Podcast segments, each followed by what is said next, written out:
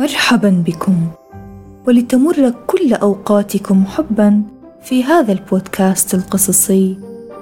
قبل أن تمر طفولتي أروي لكم قصصا كتبتها لأجلكم لتزهر بكم شعورا جميلا وتحفظ لكم درسا من هذه الحياة تعملون به وقتا ما. يحكى في أحد البودكاستات. وفي هذا البودكاست على وجه التحديد بأن الطفل شجرة مثمرة. تماما كما أنتم. وسنزرع اليوم شجرتنا الرابعة معا. في قصة جميلة عنوانها صانع المجوهرات. صحيح أن الأشياء القيمة تبقى قيمة وجميلة حتى لو جهل أحدهم قيمتها. إلا أنه وفي بعض الأحيان علينا أن نحاول إظهار هذا الجمال لمن يستحقه وإلا سيبقى مجهولا.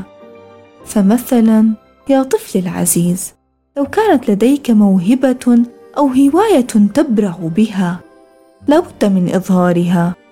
نعم لابد من إظهارها. حتى تنمو وتكبر ويدعمها صناع الأمل في هذه الحياة. وهذا بالفعل ما ستخبرنا به هذه القصة التي بطلتها هلال.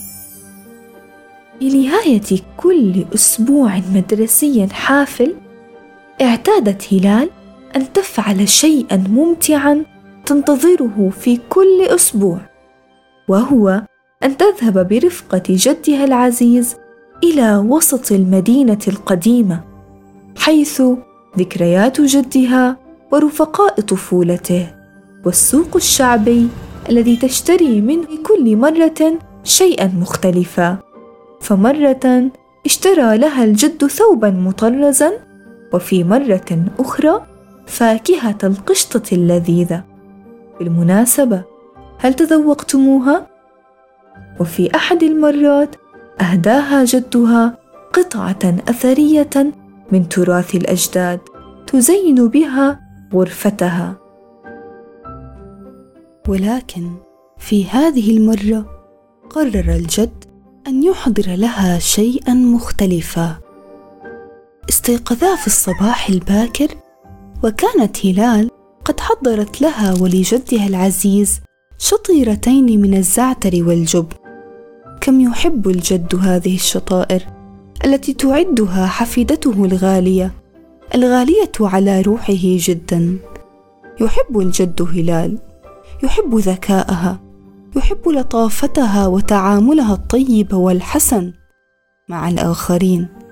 تحترم الكبار وتبتسم للحزين فيفرح. أخذها الجد إلى الحديقة. كان الهواء عليلا.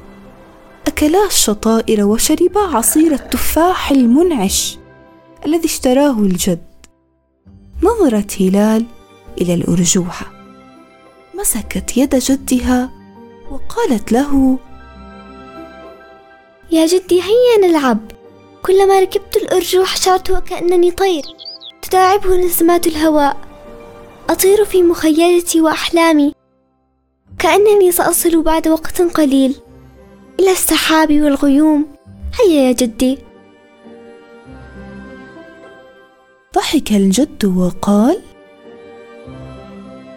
يا هلالي بعد كل هذا العمر ماذا تقولين؟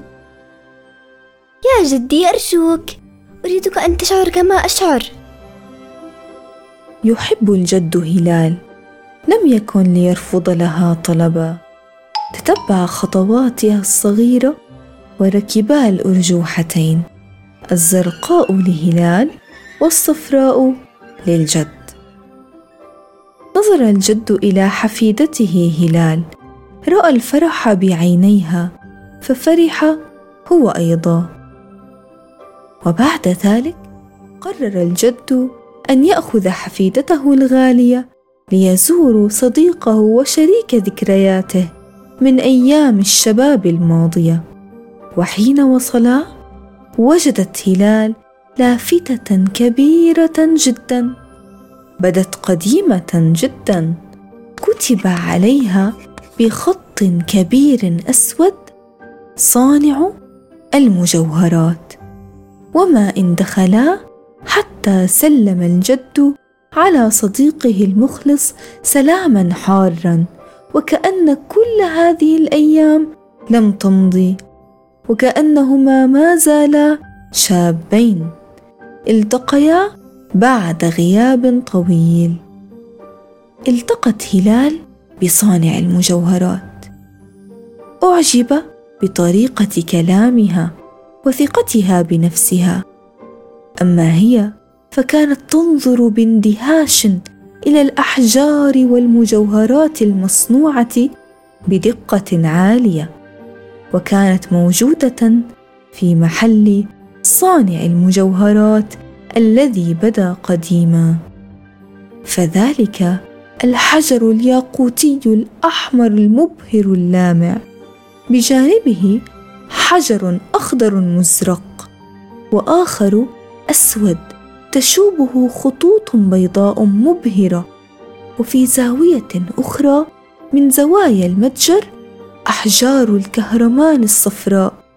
بداخلها أجزاء من غصن شجرة أو وردة أو حشرة علقت بهذا الصمغ الذي أصبح حجرا يسمى حجر الكهرمان.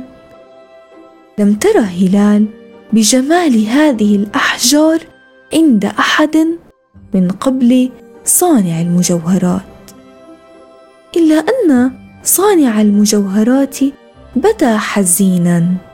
فسأله جد هلال عن حاله وكيف حال العمل؟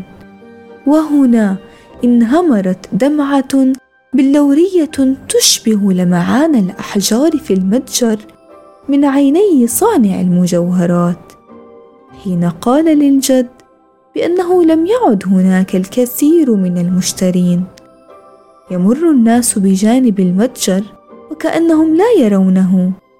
وبأن المتجر يبدو قديما غير ملفت لمن يبحثون عن التصميمات الحديثة. ربما هرم صانع المجوهرات وهرم المتجر معه. لا يعلم لماذا لا يرى أحد البريق الذي يراه صانع المجوهرات. في أحجاره حيث قال لصديقه بأن الحرفة التي تناقلها عن أجداده ربما تكون نهايتها معه. بظاهر الحال سيغلق هذا المتجر أبوابه وستزال لافتته في القريب العاجل. كانت هلال تنصت إلى كل ما يقوله صانع المجوهرات. متتبعة نظرات عينيه الحزينتين. وهنا أخبرها بأنه يريد صناعة سلسلة من حجر تختاره هي وكان ذلك بناء على طلب الجد. قعت عينا هلال على حجر بيضوي أبيض ذو لمعان لؤلؤي فقال لها صانع المجوهرات بأنها قد اختارت حجرا يناسبها تماما فهي هلال وإن اسم هذا الحجر حجر القمر. وكما يزين القمر السماء ستزين هلال حياة جدها. أحبت هلال هذا المتجر والأحجار التي رأتها والدقة التي يصنع بها صانع المجوهرات السلاسل الجميلة واللطف الذي عاملها به صانع المجوهرات. أرادت أن تساعده أن تفرح قلبه أرادت أن لا يغلق هذا المتجر أبوابه. كيف ستساعد هلال صانع المجوهرات؟ تذكروا معي الجملة التي قلتها في بداية القصة. هل تذكرتم؟ نعم. أحيانا علينا أن نجد طريقة نظهر بها ما يميزنا لنحصل على فرصة نستحقها. فكرت هلال ما الشيء الفريد الذي يمتلكه صانع المجوهرات ولا يظهر من لافتته وحيطان محله؟ هو برأيكم؟ إن صانع المجوهرات متقن لعمله ويصنع الحقد الحجري بدقة تامة متكاملة. ولا يرى أحد كيف تصنع هذه المجوهرات. ماذا أيضا؟ إن الأحجار لا تظهر أمام المارين فهي مختبئة في زاوية من زوايا المتجر. لابد من وضعها في مكان أفضل. يراها الجميع المارين بجانب المتجر. شاركت هلال جدها بكل ما تفكر به وقررا أن يساعدا صانع المجوهرات في إظهار ما هو خفي عن الأعين لكن لمن يستحقه.